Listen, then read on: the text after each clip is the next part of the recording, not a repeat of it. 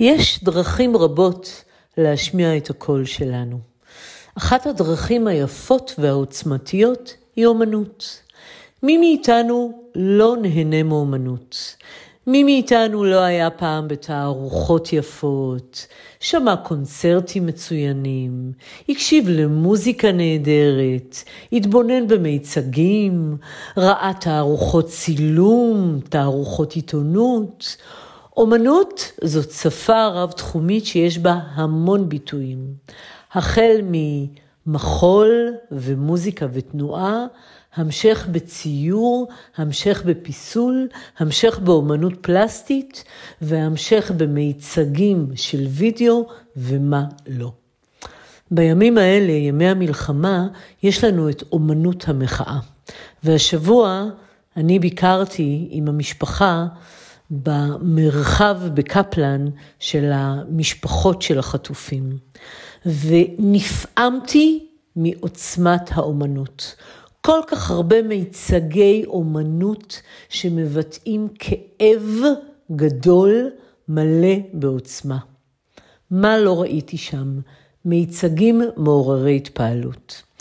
ולכן הבנתי שהפעם אני רוצה לשלב געגוע לאומנות עם אקטואליה. ולכן אומנות מחאה זה הנושא שנדבר עליו היום. הזמנתי את גליה, שהיא יוצרת נפלאה, אומנית, ומטפלת באומנות. ואיתה נפתח שיח על אומנות, על מלחמה, על מחאה ועל זעקת הנפש. אז אם הסתקרנתם, פתיח ומתחילים. ברוכים הבאים לפודקאסט ללטש את היהלום הפנימי. פודקאסט העוסק בהתפתחות אישית, מימוש פוטנציאל ואקטואליה חברתית. כאן ורד גרנדיר פרוכטמן, ואני מזמינה אתכם למסע מרתק של ליטוש היכולות והמתנות שלכם, על מנת שתהפכו לגרסה הכי מלוטשת של עצמכם. למסע הליטוש שלנו יש ארבע תחנות, על פי מודל ייחודי בשפה אימונית בפיתוחי. נראות ודימוי עצמי, קול ותקשורת, משאבים וכישרונות, ערכים וכבוד האדם. מזמינה אתכם לצאת איתי למסע אישי, חברתי וקהילתי של מפגשים מרתקים עם אנשים מעוררי השראה, על מנת ליצור חברה שיהיה לכולנו יותר נעים לחיות בה.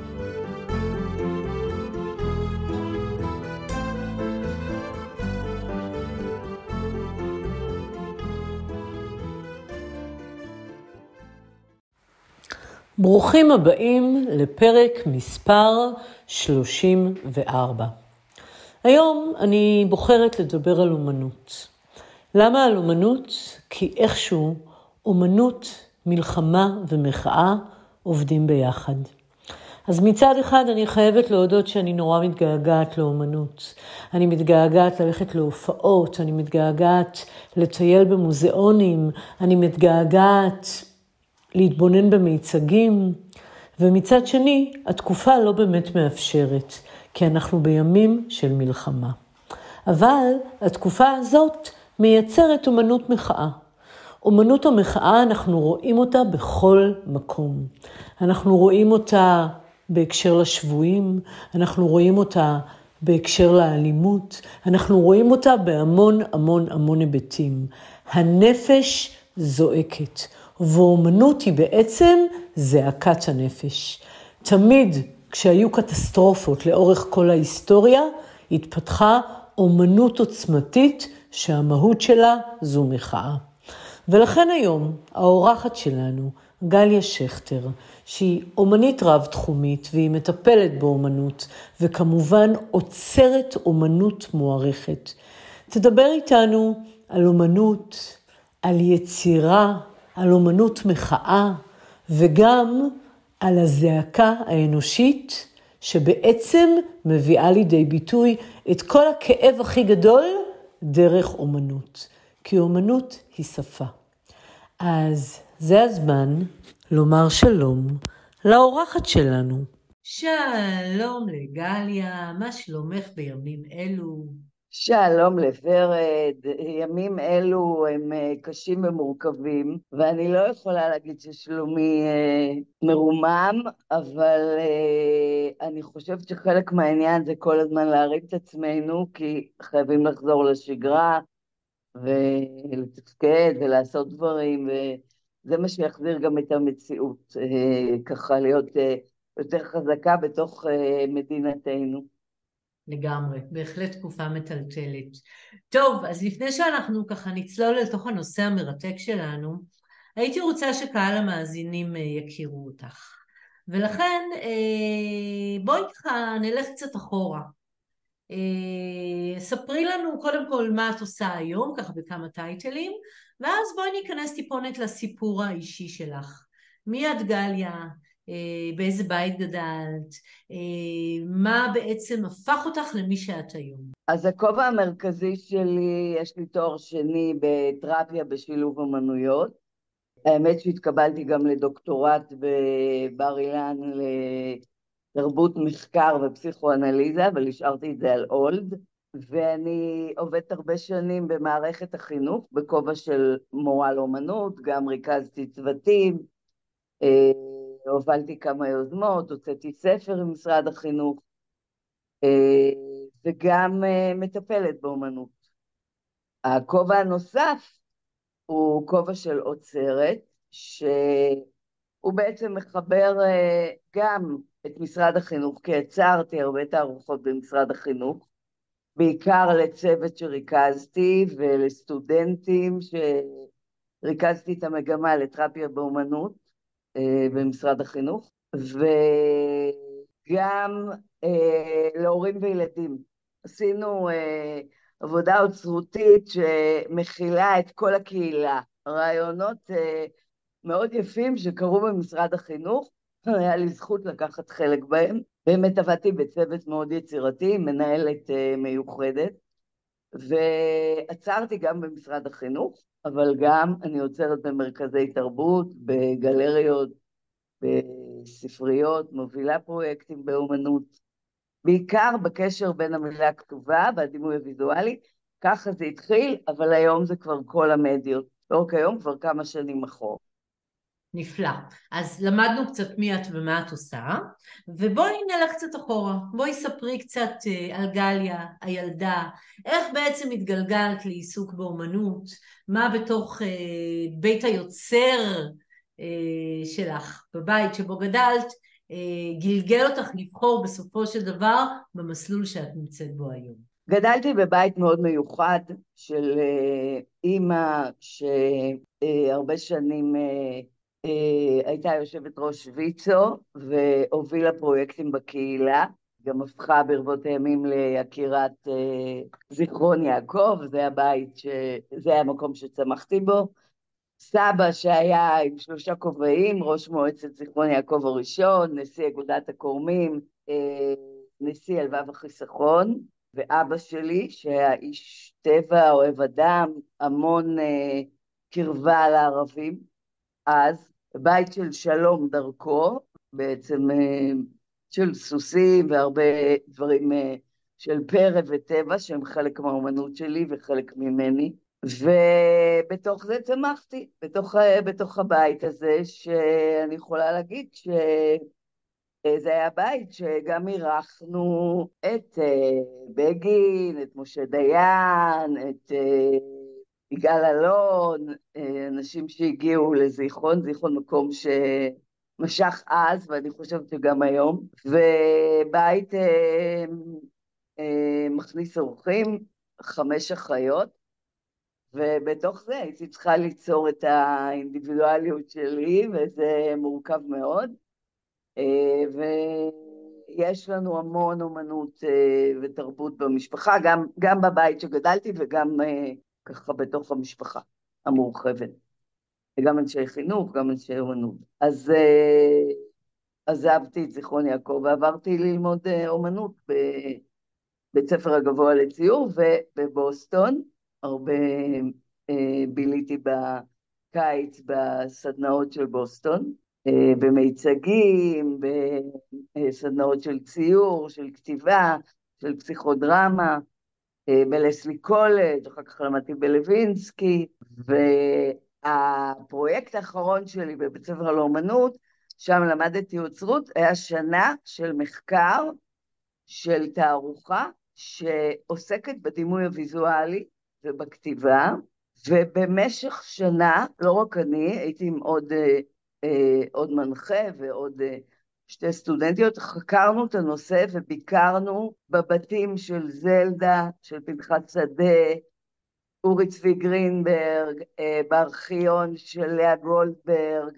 שלונסקי, רוני סומק, כל מי שזיהינו וידענו וחקרנו, שהוא בעצם מהמילה הכתובה, יש לו צורך למדוד ולהרחיב את הדימוי ולהעצים אותו לציור.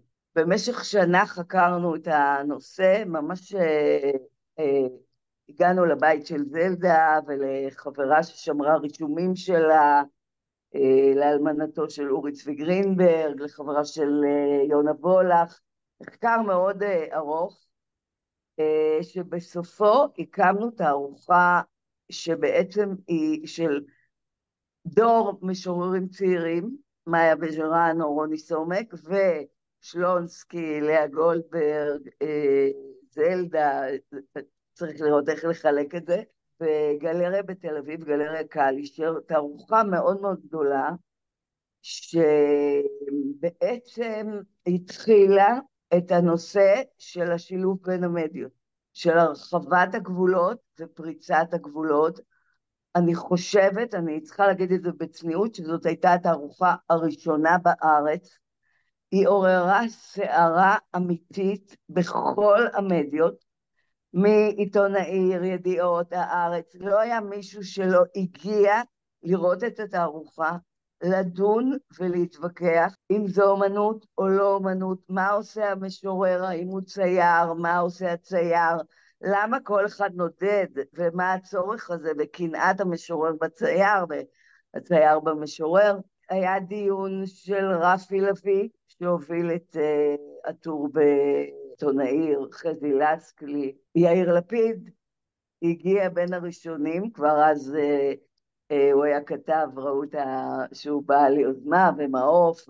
וסקרן, ולא לא חשבתי שאחרי שנים זה יתפתח לזה שהוא היום יהיה אה, ראש האופוזיציה, אבל אה, הוא ממש הגיע בין הכתבים הראשונים, כתב, עשה אה, כתבה מאוד גדולה עם צילומים, כי גם כל התערוכה הזאת, אה, כל, כל אופן האוצרות והחקירה לקח המון זמן. אנחנו חשבנו על כל uh, נייר ואיך תולים ומה עושים, זאת אומרת, מעבדת המחקר הזאת היא, היא, הייתה בכמה שלבים, גם המסע וגם השלב של, ה, של איך אנחנו בונים את התערוכה, איך תולים. המון תקשורת, הגיעו מערב חדש, ובעצם זה היה uh, בארץ, אני יכולה להגיד, ואני אז uh, אה, היו המון גלריות, גלריה בוגרשוב, גלריות בגורדון, היה בין הגלר... התערוכות הראשונות שבעצם שילבו חזק את המדיות. אחר כך כבר, וגם היום, אנחנו רואים ציור ורואים וידאו ארט. בהמשך, אם תרצי, אני אספר, זה, זה התחיל בעצם עם הפריצה שבניו יורק, של, ה, של הגבולות ושל המדיות, אה, אבל בארץ זה היה ממש ראשוני וזה עורר סערה וויכוח וביקורת, כל, כל, כל מי שהיה מעורב בעולם האומנות אז, אה, בא לראות ולהביע את דעתו. רותי דירקטור, שהיא אה, עוצרת, אה, הייתה עוצרת מוזיאון תל אביב, היא גם הגיעה וכתבה על התערוכה, זה היה ממש מחקר. וזאת הייתה התערוכה הראשונה שלי. נהדר.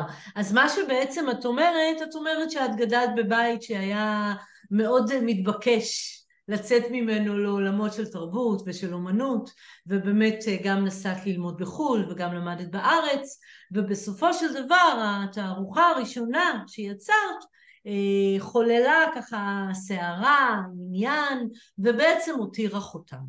אז פה בואי נתקדם עוד שלב אל עבר האומנות. אשמח שתמשיכי את הסיפור שלך מארבע נקודות מבט של המודל שלי. אני לא יודעת אם את מכירה, אבל אני פיתחתי מודל שנקרא מציאת היהלום הפנימי, ולמודל הזה יש שפה.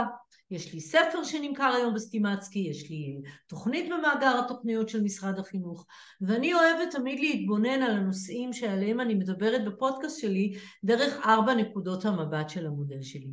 אז בואי נתחיל עם עניין הנראות. דיברת על זה קודם והייתי רוצה שתעמיקי. איך היום אומנות נראית? פעם אומנות הייתה שמרנית וקלאסית, והיום לאומנות יש הרבה מאוד מדיות. היא נראית באופנים שונים, וסיפרת בדיוק על התערוכה הזאת, שבעצם יצרתם תערוכה ככה שנויה במחלוקת, מעוררת הרבה מאוד שאלות, אבל מצד שני היא בעצם סימלה איזשהו אה, נרטיב שהתחיל כבר בעולם ובארץ הוא היה חדש. אז בואי תדברי קצת על נראות של אומנות. איך אומנות נראית, איזה סוגים של אומנות יש, דברי על זה קצת. אז ככה, לגבי התערוכה, היא גם הייתה תערוכה מאוד מוערכת. לא כל תערוכה קוראת לכל הכתבים ולכל מבקרי האומנות להביע את דעתם, וזה... לגמרי. קודם כל, מהזווית שלי כאוצרת וגם כיוצרת, אני כיוצרת משלבת אני כותבת שירה וגם מציירת, אה, וגם כאוצרת, כל התערוכות שלי עם וידאו ארט, עם פסלים, עם ציור, אז אפשר להגיד שהאומנות היום שנראית, אה, זה כבר מובן, כל הנושא של החיבור בין המדיות. מה שהיה אה, בהמשך בניו יורק, לורי אנדרסון כזמרת התעסקה מאוד במוזיקה וכל המסכים של הווידאו ארט והדימויים. משרת הבלומן זה שלושה גברים שיצאו מעסקים ועברו לעולם של אה, אומנות והם שוברים לגמרי את המדיה, הם מכניסים מסך והחוץ נכנס פנימה והפנים אה, אה, החוצה ויש המון עניין עם הקהל. קריסטו שעטף, אה, ב... אני הייתי בפריז וראיתי את הגשרים שהוא עטף, שזה מדהים, חוויה מדהימה שלא נשכחת, ועטף אה, בטבע, ועטף אה, מבנים ציבוריים, כל האמירה הזאת היא אמירה שבאה לטלטל, באה לשאול שאלות בין הציבורי לבין ה... פרטי, בין האמן לבין הקהל, יש המון המון, אה, המון מרחבים נפתחו. מה גם אומנות אדמה ואומנות אה, הטבע והמיצגים. באמת השפה מאוד עשירה, אומנות האדמה, אם אני מדברת על רוברט סמיתסון, הספירלה ו- ועל מיצגים, וגם בארץ, גם בחו"ל, אה, עדינה בר-און, שלקחה את המיצג מאוד חזק, אני עבדתי איתה בירושלים באחד ההופעות שלה. אז השפה של האומנות היום היא באמת, אה, יש לה אין סוף מרחב. אם את רוצה אני יכולה להרחיב עוד, אבל נעצור. לא, זה נהדר, דווקא נתת לי מענה נהדר, כי מה שבעצם אמרת, התערוכה שאת היית האוצרת שלה בפעם הראשונה, עוררה המון עניין דווקא בגלל שהיא הביאה את הרב-תחומיות הזאת. ולכן הנראות היום של אומנות לא מתחילה ונגמרת בציור על הקיר, אלא יש הרבה מאוד ביטויים לאומנות והמרחב הוא מאוד גדול, שזה כולל וידאו ארט, שזה כולל פיסול, שזה כולל שימוש בטבע ומיצגים ותיאטרון והכל בעצם נכנס תחת הנראות המאוד מאוד רחבה הזאת של אומנות. אז השאלה הבאה שלי תלך לנקודת מבט של קול. בעצם אומן רוצה להשמיע קול, וכשהוא רוצה להשמיע קול, אז הוא משמיע קול בכל מיני נסיבות. אנחנו נמצאים כרגע בתקופה של מלחמה, ולכן הייתי רוצה גם לתת קצת התייחסות לקול של מחאה. אז בואי דברי קצת על מקורות הקול. למה בעצם יש אומנות? אה, איך נראית אומנות מחאה? אה, מתי אנחנו מתחילים להשתמש באומנות ככלי למחאה? ותקשרי את זה קצת גם לימים אלה. אז אני אתחיל ב- ב- בימים שאני עברתי, אבל זה היה מאוד לא פשוט. אני הייתי בברצלונה, אני אספר גם על האומנות שראיתי, ובשביעי עשירי קיבלנו את כל ההודעות המטלטלות, ואחרי ארבע, זאת אומרת, והודיעו לנו ארבע שעות לפני הטיסה, שהטיסה מתבטלת. תוך זמן קצר הגענו לארץ עם, uh, בטיסת חילוץ, בטיסה שעברנו המון בדיקות של ביטחון, והיה מאוד מאוד קשה.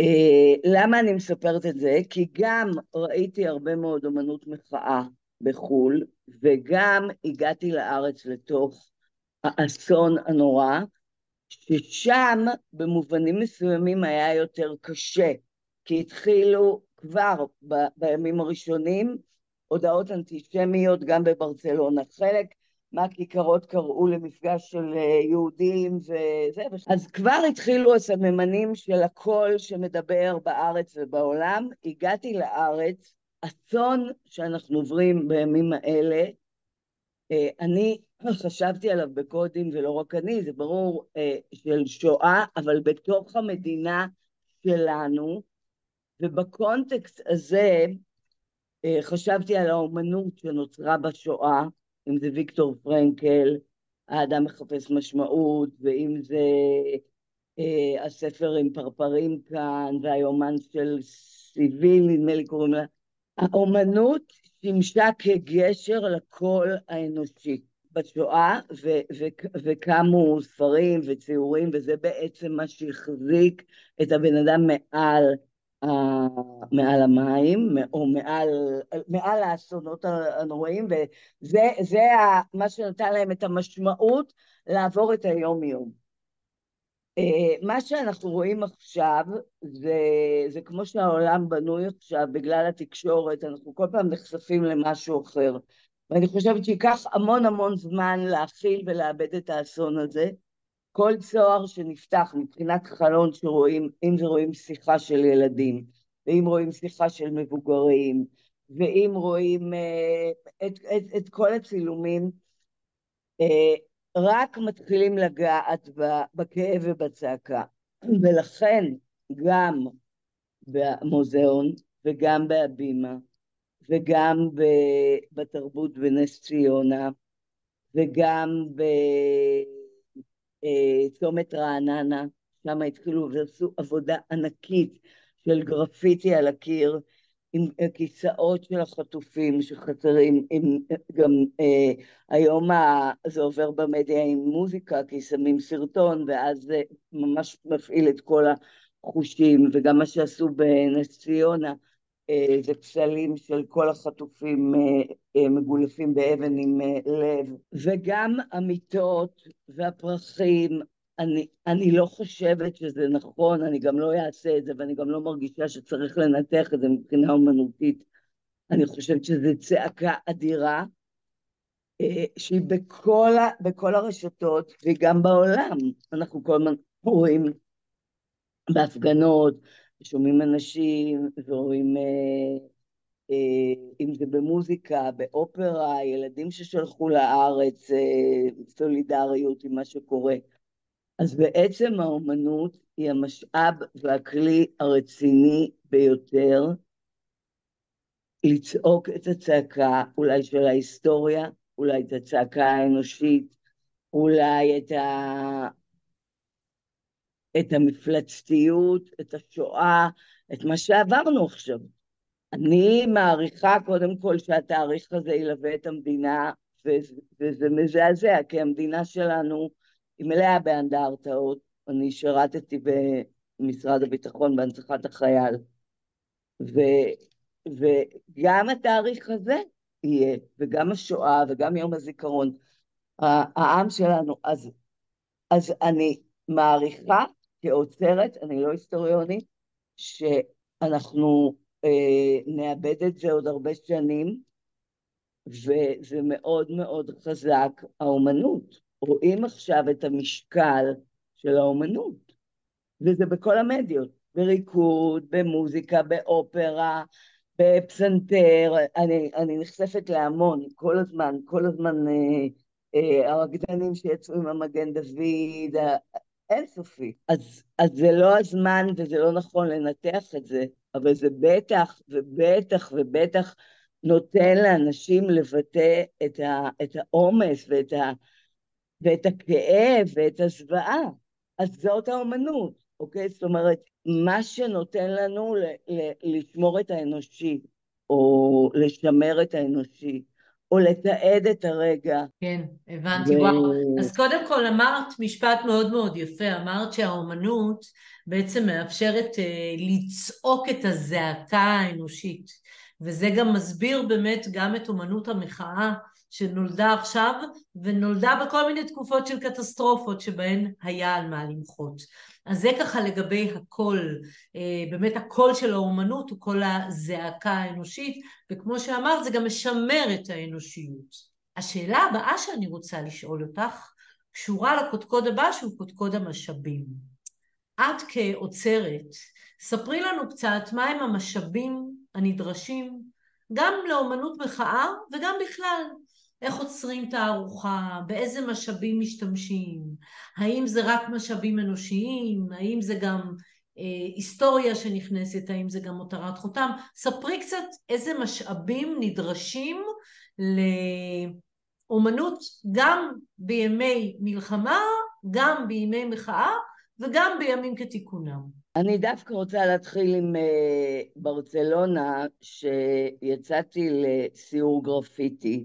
זה כמובן אה, זרם בתולדות האומנות שהתפתח ורואים את זה בהרבה מקומות, אבל זה היה מאוד מאוד אה, מרתק לראות אה, בשכונות של מהגרים, יותר בשכונות של שכבה סוציו-אקונומית נמוכה, שבהם המחאה היא דרך הגרפיטי, וזה ממש מחאה של קרבות על שטחים, ולקחת דלת, ולקחת קיר, ולקחת אה, שם ברחובות, וזה אמירה, ויש שם קבוצות, ומגיעים בערב, וזה לשלוט על המקום. אז המשאבים שם הם, אה, הם אה, דלות החומר כמעט, כן? לא צריך אה, הרבה, כמה ספריים וזה, אבל זה מאוד מאוד חזק, וזה כן עבר גם כמו קית' הרינג, אומן שהוא גם אה, הזמינו אותו לכל מיני מקומות בעולם להביע מחאה ולצייר והם, וגם נכנסים למוזיאון. אז עוד פעם רואים את הצעקה והרחוב ואיך זה מגיע למוזיאון. יש שם גם באחד. ה...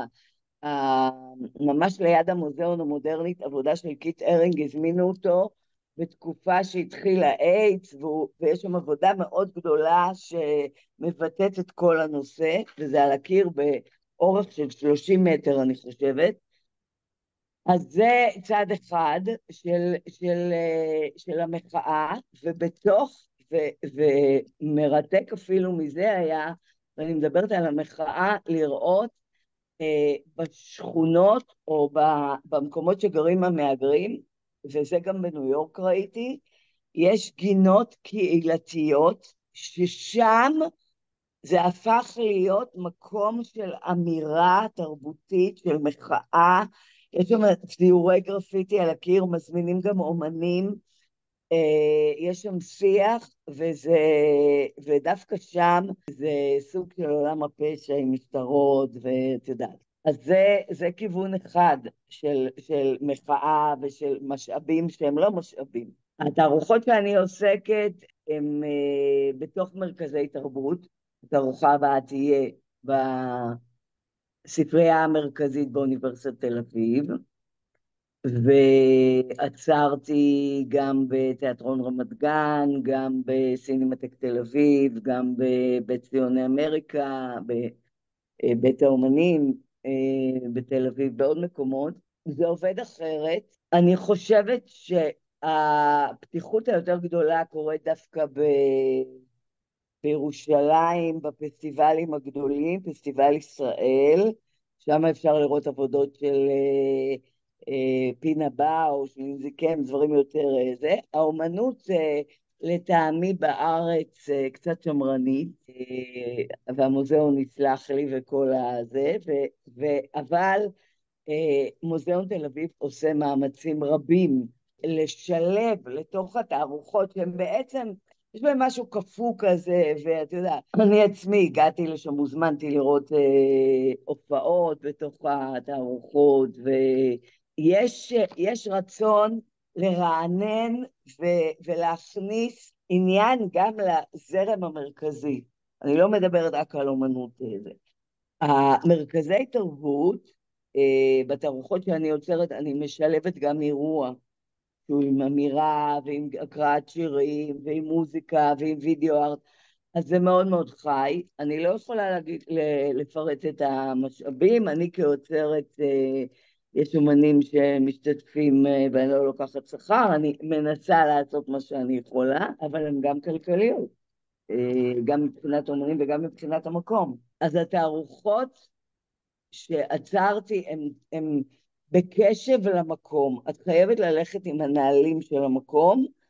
באופן אישי אני חושבת שיש קצת יותר מקום למתוח גבולות בארץ. אני ככה, את יודעת, אני מסתכלת על לינזי קם, על פינה, פינה באוש, איך, איך הם עובדים בתוך החלל, איך הם פורצים.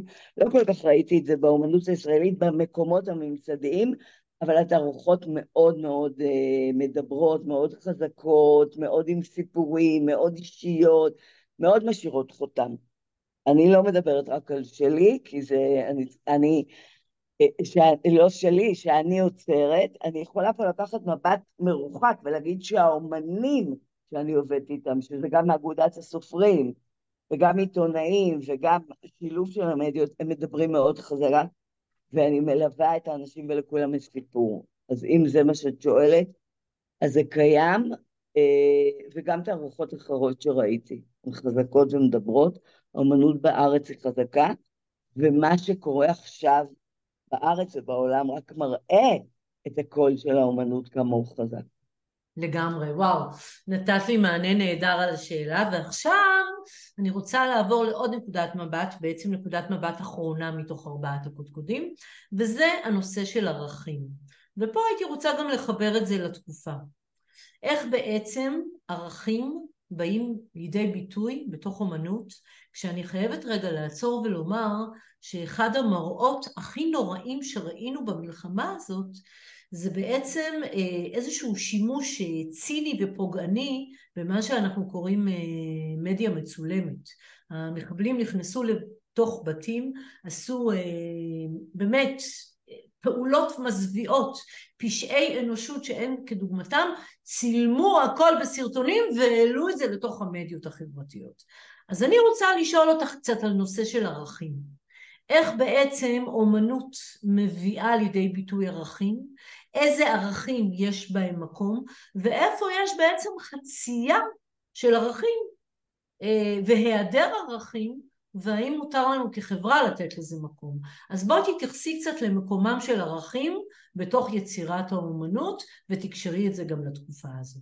תראי, אז לגבי מה שאת אמרת, אני ראיתי מכתבים שיצאו, אני לא נכנסתי לכל הרזולוציה, יצאו מכתבים חמורים שביקשו לא לראות סרטים ולא להראות לילדים וכתבו שזה יכול להוביל לטראומה. אני חושבת שזה היה מהכיוון של המטפלים, אני לא זוכרת כי גם אני נחשפת להמון תכתובות והמון דברים.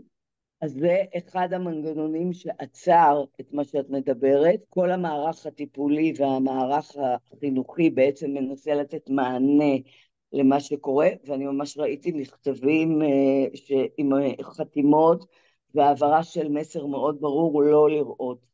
את הסרטונים האלה שהם יכולים להוביל אה, לטראומה. בואי תובילי אותי יותר למה את מתכוונת ערכים. אני בתערוכות שלי אה, מנסה וגם מצליחה שגם האווירה, גם האירוע, אה, גם השיח, גם כל המעטפת, יש מעטפת והמון המון מאחורי הקלעים של התערוכה, אני משתדלת להעביר מסר, וככה זה עובר גם באירועים של הפתיחה של שיח תרבותי. יש תערוכות שממש היה דגש על הנושא הערכי. אה, אני חושבת שאנחנו נמצאים כבר שלוש שנים בכאוס אמיתי. אה, אני מנסה בבמות שלי להחזיר איזה עוגן ולהביא משהו שהוא ערכי, ואם התחלנו את השיחה עליי, אני גדלתי בבית שחלק סבא שלי, אה, שדיברתי עליו, עשה דברים בהתנדבות וגם תרם. יש לי בתוך המשפחה אה, עוד אנשים שהם גם מתנדבים וגם עוסקים באומנות, גם אחותי, גם בעלה. אימא שלי בטוח, אז אני גדלתי בבית כזה, ולצערי, באופן אישי אני לא עושה את זה מספיק. אבל כן התנדבתי גם בקיץ, והתנדבתי כיושבת ראש כנסיעה, ואיפה שאני יכולה. אם את שואלת על מה שקורה, הערכים הם באים לידי ביטוי במיצגים, בסרטונים, אנחנו חוזרים עוד פעם לאומנות. אה, זה בסתירה עם הזעזוע והמפלצתיות אבל שם הערכים, שם, שם אנחנו רואים, שם, שם יש מקום לתת לכל הזוועה הזאת את ה... לעצור ולהקשיב לאסון הזה, או לשואה או לזוועה. אז אנחנו עוד פעם חוזרים לאומנות. ו... אבל יחד עם זה אנחנו בתקופה שהיא מאוד קשה. אה, אה, יש גם, גם הרבה תוקפנות. במדיות, מול הממשלה, מול כל מה שקרה, ושם אני לא יכולה להיכנס בכלל, כן? אני, אני אמרתי בהתחלה שאנחנו נצטרך שנים לאבד את זה, כי זה, זה, זה שואה שקרתה בתוך המדינה שלנו. ולמה הזכרתי את ברצלונה? כי ראיתי שם אנטישמיות, ראיתי את הזה, וכאן זה קרה בתוכנו.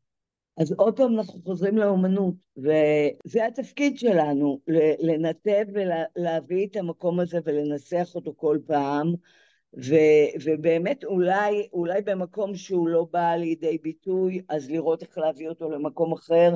אלה המשאבים שלנו, ואם זה, זה, זה, זה, זה מה שפורץ עכשיו מהמדינה שלנו. אוקיי? זאת אומרת, האומנות, ולא רק האומנות, האחדות ו- וכל הנתינה לחיילים, אלה הערכים, אלה, אלה ה... ה... זה העוצמה והחוזק שלנו, זה בכל המערכות. אני במערכת החינוך, אנחנו מגיעים מוקדם ועובדים, אבל לא רוצה לקחת עליי אה, ו- ולספר פה עליי. אני חושבת שהאומנות מבטאת את זה הכי חזק ורואים את זה. אז כן. באמת, ההתייחסות שלי לערכים, קודם כל התייחסת לזה מאוד יפה, ההתייחסות שלי לערכים באמת מגיעה מהמקום של ערכים והיעדר ערכים. את יודעת, במקום שבו אין שלום, יש מלחמה. במקום שבו אין משפחה, אז יש בדידות. במקום שבו אין אומץ, יש פחד. אז כשאין ערכים, יש את ההפך. אני תמיד מספרת איזה סיפור שהייתי פעם בבית ספר, שכל הבית ספר היה מלא בפוסטרים אומנותיים שהיו קשורים בערכים, משפטים יפים וציורים יפים על כבוד האדם, אהבת לרעך כמוך, ואז ככה בקצה האוזן שמעתי קולות אחרים. התקדמתי לכיוון הקולות והגעתי לאיזה תיגרה בחצר בית הספר. תיגרה גדולה, כוחנית, אה, את יודעת, מכות, קללות, בדיוק ההפך מערכים. והיה שם איזה פער, איזה דיסוננס כזה מרתק בין זה שאנחנו מדברים ערכים לבין זה שאנחנו מתנהגים ערכים, או לא יודעים להתנהג ערכים. זה ככה תמונה שמלווה אותי. אז זה לוקח אותנו לדבר הבא, שזה בעצם אה, אומנות מחאה, הייתי רוצה לחדד את זה עוד קצת. את אמרת שהפרשנות היא מיותרת, אבל עדיין הייתי רוצה להתייחס לזה קצת. אנחנו נמצאים כרגע בסיטואציה שמדינת ישראל לא ידעה שכמותה. יש לנו מעל 200 שבויים בידי החמאס. אה, וביניהם יש ילדים ותינוקות וזקנים, ובאמת ראינו מראות נוראיים של אה, נשים מבוגרות, אה, ככה מוטלות על אופנוע ומובלות בכוח, נשים על קולנאיות עם מבט כזה מזוגג של דימנציה, חוצות את הגבול, ילדים שנלקחים בכוח, באמת מראות נוראים. ואני בשבת האחרונה ככה הלכתי לבעלי, היה יום הולדת, בעלי הוא איש ערכי, אז הוא אמר, אני רוצה ביום הולדת שלי ללכת לבקר במרכז של החטופים שם בקפלן. ומה שבעיקר צד את עיני זאת האומנות. באמת, היו שם מיצגי אומנות נפלאים, שכל כולם ערכים ומחאה. אז בואי דברי קצת ככה, גם אם את לא רוצה לתת פרשנות. אה, דברי קצת על המיצגים האלה, אולי תגידי משהו על איזה מיצג ככה ששווה את ליבך באופן מיוחד, דברי קצת על, ה, על הכוח של אומנות כשמולך קורה הדבר הנורא ביותר ואתה רוצה איתה להשפיע ואתה חסר אונים. אני חושבת שאת, שאת כבר במה, במה שהגדרת ובמה שתיארת, את כבר אמרת הרבה. תראי, אנחנו מול קטסטרופה. אני אה, לקטסטרופה הזאת התוודעתי שהייתי ב, בטיול אה, זוגי אה, בברצלונה, וגם שם אפילו היינו בסיור, ובתוך האוטובוס ב-20 אנשים ישראלים היה מישהו שבכה, כי כבר מסתבר שחלק מהמאה שביום הראשון נהרגו, אה, היה מהמשפחה שלו. בתוך המעגל הקטן הזה, הרחוב הישראלי כבר שלוש שנים חי טראומה פוליטית, חי צעקה, עברנו את הקורונה, ובעוונותינו הרבים אנחנו בתוך סיטואציה שאני קטונתי מלהגדיר אותה, זה אסון של שואה.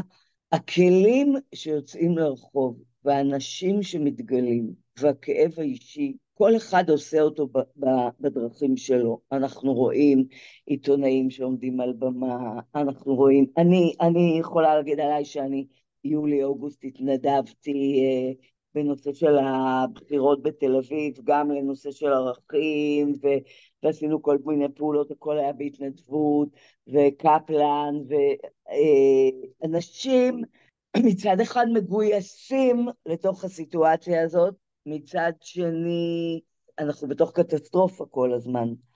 אז, אז, אז, אני, אז אני עוד פעם אומרת, האדם, מהאדם שקם והולך לקפלן ועומד עם התמונה של החטופים, אה, דרך זה מתגלה אני מאמין של כל אחד, אוקיי? אם אני רואה אה, שירים שיוצאים עכשיו לאור, או אה, המון מחאות של שחקנים ש, שמובילים, המנעד הוא כל כך עשיר, אין, אין לי עכשיו את, ה, כל, את כל השמות בראש, אבל כל הזמן יוצא מהאדם הפרטי, האדם שלא שמעו עליו, שנוצא את הכאב של כל התקופה הזאת ויוצא לרחוב ופתאום רואים אותו, מאנשים, אנשי קולנוע שיוצאים ומצלמים אה, את האזעקות ואת הכניסה ונותנים קול לכל המלחמה הזאת, ואין מישהו שהוא לא שותף לזה, אין מישהו שיכול להיות אדיש. אין מישהו שלא, ש, שיכול לעבור ליד הבימה ולראות את המיטות, את המיטות ו, ולהמשיך הלאה. אין מישהו שיכול לעבור ליד קפלן ולראות את החטופים, או ליד או בניין עזריאלי ו, ולהמשיך. אין מישהו שיכול לראות את, ה, את התינוק, את התינוקות בתוך זה ויכול... אנחנו חיים בתוך זה, אנחנו מוצפים בתוך זה. זה לא... זה, זה, זה כל הקיום שלנו שם, כל הצעקה על הקירות. אז גם הערכים וגם הקול האנושי וגם הכאוס וגם זה שאנשים עכשיו מאוד קבועים ומאוד עמוסים ומאוד עם פתיל קצר ויש אנשים שלא עובדים. אנחנו בתוך, עוד פעם זה חוזר לזה שיש המון אה, קהילתיות גם בתוך הארץ, כל המיצג שהיה ברעננה. זה קהילה שלמה של ילדים והורים שנתנו ביטוי לתוך הדבר הזה, גם גרפיטי וגם פיסול וגם, וגם אימהות וילדים. אנחנו לא יכולים להישאר אדישים. אני שלוש שנים עושה את התערוכות האלה, זה הכלים שלי. אני כבר לא יכולה להגיד שאני עושה אה, את מה שעשיתי, אה, שקראו לזה מבעד למילים, שזה רק מתעסק בשירה וציור, אלא לקחתי את זה לאדום, שחור, לבן, לצעקה, לקחתי את זה לאוצרות טבע, שזה, שזה על האושיות של הארץ, ואני מאמין של כל אחד. אנחנו, כל אחד עושה כפי יכולתו כל הזמן בתוך הדבר הזה, אנחנו כולנו בתוך העשייה הזאת. ו- והאומנות היא כלי, אה, אסתר שמיר, עכשיו שהוציאה את השירים שלה. אה, בתוך המחאה, אה, ריטה שהולכת לשיר, אה, כל, ה, כל השחקנים, כל, ה, כל הזמרים, אי אפשר להישאר אדיש. שלמה ארצי שמדבר מבעד, אי אפשר. אז כל מי ש, שיש לו במה, ושיש... אני, אני, כל אחד בוחר לו. עד שבעלך בחר, בחרתם ללכת לקפלן, אני יכולה לבחור ללכת לתיאטרון רמת גן ולהגיד בואו תראו שחור אדום לבן. זה לקחת סיפור אישי של בן אדם ולתת לו במה, ואני לפעמים מלווה סיפורים של אה, אה, אומניות שעברו דברים קשים מאוד. אה, וברגע שמקבלים במה, אז זה חלק מכל מי שעוסק בריפוי ובטראומה, זה, זה חלק מהריפוי. אז כל אחד עם הכלים שלו מאבד את הצעקה שהיא הפכה לתרבותית ועולמית, ועכשיו היא... עכשיו, אני חושבת שעכשיו אנחנו צריכים לעצום את העיניים קצת, כי אי אפשר לקלוט. אי אפשר לקלוט את כל מה שקורה. אתה לא יכול להיחשף לזה, זה... האנושיות בכלל לא יכולה להכיל את זה. כן, קשה להכיל. כן. נכון, אז כן. אה, טוב, גליה, אנחנו ככה מתקרבות לקלוז'ר, ובאמת אה, לקראת סיום, אה, מה שהייתי רוצה לשאול אותך, זה בעצם, כבר הבנו שאומנות יש לה פנים רבות ושמות רבים. זאת אומרת, כמו שאמרנו מקודם, זה לא רק ציור על הקיר, יש לה הרבה מאוד אה, מופעים. ולכן הייתי רוצה לשאול דווקא בתקופה הזאת, איך היית ממליצה לכל אדם אה, להתחבר ליצירתיות שבו. אני אה, מדברת הרבה על חוסן, ותמיד אחד הדברים שאני אומרת בחוסן זה שאנחנו צריכים להתחבר לדוינג, לעשייה, וגם לעשות חיבור למשאבים שלנו. ליכולות שלנו, לכישרונות שלנו.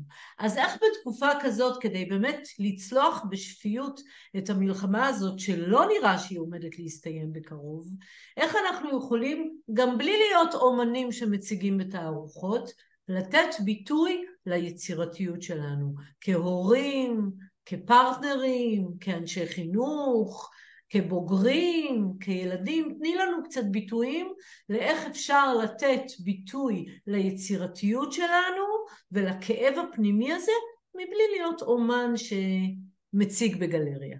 אז נכון, אנחנו דיברנו על האומנים שעכשיו באמת יוצאים לחיילים ולהם יש את השפה ואת הכלים, אבל להורים ולילדים, שאני יכולה להגיד, בעבודות שאני עשיתי עם ילדים, אז בהתחלה זה היה להתייחס ל...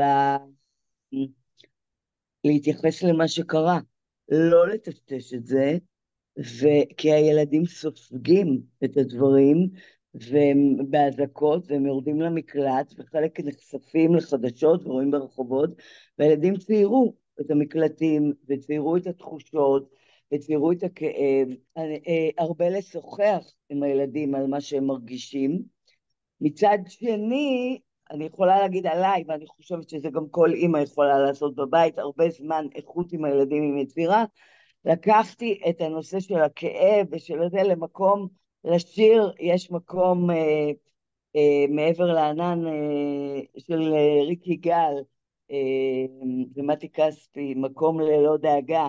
כן.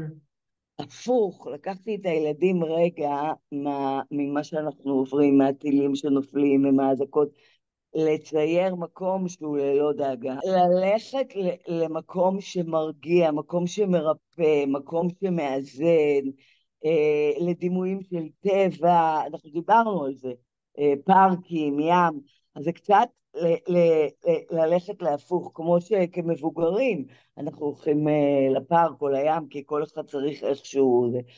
אז, אה, אז גם לתת ביטוי, וזה לא, לא חייב להיות מחר מיצג במוזיאון, זה יכול להיות ציור שילד מביא אה, צבעים שהם בבית על השולחן, גם מקום לכל הילדים, הם חכמים והם סופגים, לא לעשו, כל אחד יכול לקחת, וזה זה, זה באמת מהעולם של התרפיה, לדבר דרך הציור, לתת וינטלציה למה אה, שהילד סופג, כי הוא סופג, וכדאי לתת לזה לצאת. אז אנחנו באמת בתקופה מורכבת, שמצד אחד להקשיב לקשיים, מצד אחד לחפש את המשאבים כל הזמן ואת העוגנים. נהדר. אה, דרך אגב, אה, הילדים שלי, בני ה-13, יש לי תאומים בני 13, והם אה, קיבלו משימה להכין חלות לחיילי צה"ל. אז אני ככה כאדם שמאוד מחובר לאומנות, ואני בעצמי גם מציירת, אז אמרתי להם, חברים, בואו תוסיפו גם ברכה וציור. וראיתי שמירב ההנאה שלהם הייתה מליצור את היצירה הזאת, את הציורים האלה עם הברכות, והיו שם ציורים כל כך מלאי משמעות, שממש ראיתי איך הם היו זקוקים נכון. לערוץ הזה. הרגשה של נתינה והעצמה לסיטואציה. באמת הרבה תלמידים שלי דיברו, משפחות שהתאגדו ביחד להביא אוכל אה, לחיילים, וזה עשה להם המון גאווה, והחזיר את, את העוצמה ואת הגאווה אה, אחרי מה שעברנו. טוב, אז אה, גליה, אני לא יכולה לסיים את המפגש הזה בלי לשאול אותך מי האומן האהוב עלייך, או לחילופין, מהו המרחב שבו את הכי אוהבת לראות אומנות? ספרי לנו ככה בכמה משפטים לאן הלב שלך הולך. אומן פלסטי, אני מאוד אוהבת את צדוק בן דוד. הוא אה, המון אה, נוגע במחזוריות של האדם, המחזוריות של הטבע, העבודות שלו מאוד פיוטיות, מאוד ליריות מרחבים, הוא בתוך המוזיאון עם חול ומאוד מדבר אליי האלמנטים שלו והפסלים שלו והנגיעה שלו, מאוד. אני מאוד קשורה למוזיקה. אני לא יכולה בלי מוזיקה, ואני מקשיבה המון מלורי אנדרסון, ומריאן פייפול, ודייוויד באוי, ואני אוהבת את האומנים שפורצים גבולות במוזיקה שלהם, שהם שואלים שאלות שהם לא מובנים מאליהם, שהם אושיות, ש... שהם פרצו דרך בכלים שלהם. דינה באוש, לינזי קמפ, אני אוהבת את האומנים שהאמירה שלהם היא רב גונית, עוצמתית, ו... והם הלכו מאוד רחוק עם עצמם. אמירה רב גונית. טוב, כן. אז אה, בואי נסיים ככה באיזה מסר קצר. אה, בואי רגע נארוז אקטואליה, מחאה ואומנות. מה היית ככה רוצה לומר לסיכום? אולי אה, איזה צידה לדרך, אולי כמה עצות זהב, אה, על באמת הקשר בין אקטואליה, אומנות, מחאה והרצון והצורך ליצור. אני חושבת שיותר ויותר אנחנו רואים את החותם של האומנות, ולכן אני אומרת יותר ויותר דברו אומנות, יותר ויותר אל תוותרו, כן ליצור, כן להביא את התרבות, כן לדבר אה, ולפלס כל הזמן את הדרך, לפעמים הדרכים קשות ומורכבות, לפעמים יותר קלות, לפעמים זה נגיש, ולא לוותר, לתת לקול הזה, כי הוא, הוא כל הזמן מראה את העוצמה שלו, ואת היופי, ואת האנושיות, ומה היינו עושים עכשיו בלי המיצגים, רק שם אנחנו רואים את את, ה, את האדם, את הכאב של האדם, את, ה, את הפנימיות שכולנו מסתירים בכל כך הרבה שכבות, וזה זה המסר, להמשיך ליצור למרות הקשיים, להמשיך לדבר אומנות, להמשיך ולא לוותר, למרות שלפעמים, כמו שעכשיו אנחנו בא מולנו כוח אדיר ואכזרי, לא לוותר, לא לוותר, לא לוותר, להביא את האנושי. כל הזמן יש. ליצור כל הזמן. אה, אין כן. ספק שאומנות היא אנרגיית חיים. אז גליה, אני כן. רוצה להודות לך, כן, אני רוצה להודות לך על שיח מעורר השראה, על הרבה נקודות מבט מעניינות. אני בטוחה שמי שיקשיב לשיחה הזאת, ככה היא תהדהד לו עוד אה, ימים רבים אחרי שהוא יקשיב לה. זה מה שבדרך כלל אומרים על הפודקאסטים שלי, שהדברים ממשיכים להדהד, והמפגש הזה בטח ובטח. אז אה, מה נאחל? ימים שקטים. נכון, ותודה רבה ורד על השיח איתך, שבאמת אה, מרחיב ונוגע בכל העולמות ובכל הנקודות שאת תיארת, וזו התבוננות שלך עם המודל שלך שמגלה את היהלום. אז אה, אולי נסיים ש... שנגלה את היהלומים במובן הפואטי, במובן של האור, במובן של המשאבים, את יודעת גם. לגמרי. אז uh, תודה רבה, גליה. ומה שנקרא, ניפגש בשש אחרי המלחמה. הפרק שלנו הסתיים. רוצה להאמין שאם נשארתם עד סופו, כנראה שקיבלתם ממנו ערך. מוזמנים להעביר הלאה, לעניין את מי שיכול להרוויח מהידע, מהשפה ומהכלים. מוזמנים לכתוב לי, לשאול, להגיב, להציע, ובכלל, להשמיע את קולכם. מצורפים כאן לינקים לכל הדרכים שבהם תוכלו ליצור קשר. נשתמע בפרק הבא, ואל תשכחו, החיים כבר התחילו.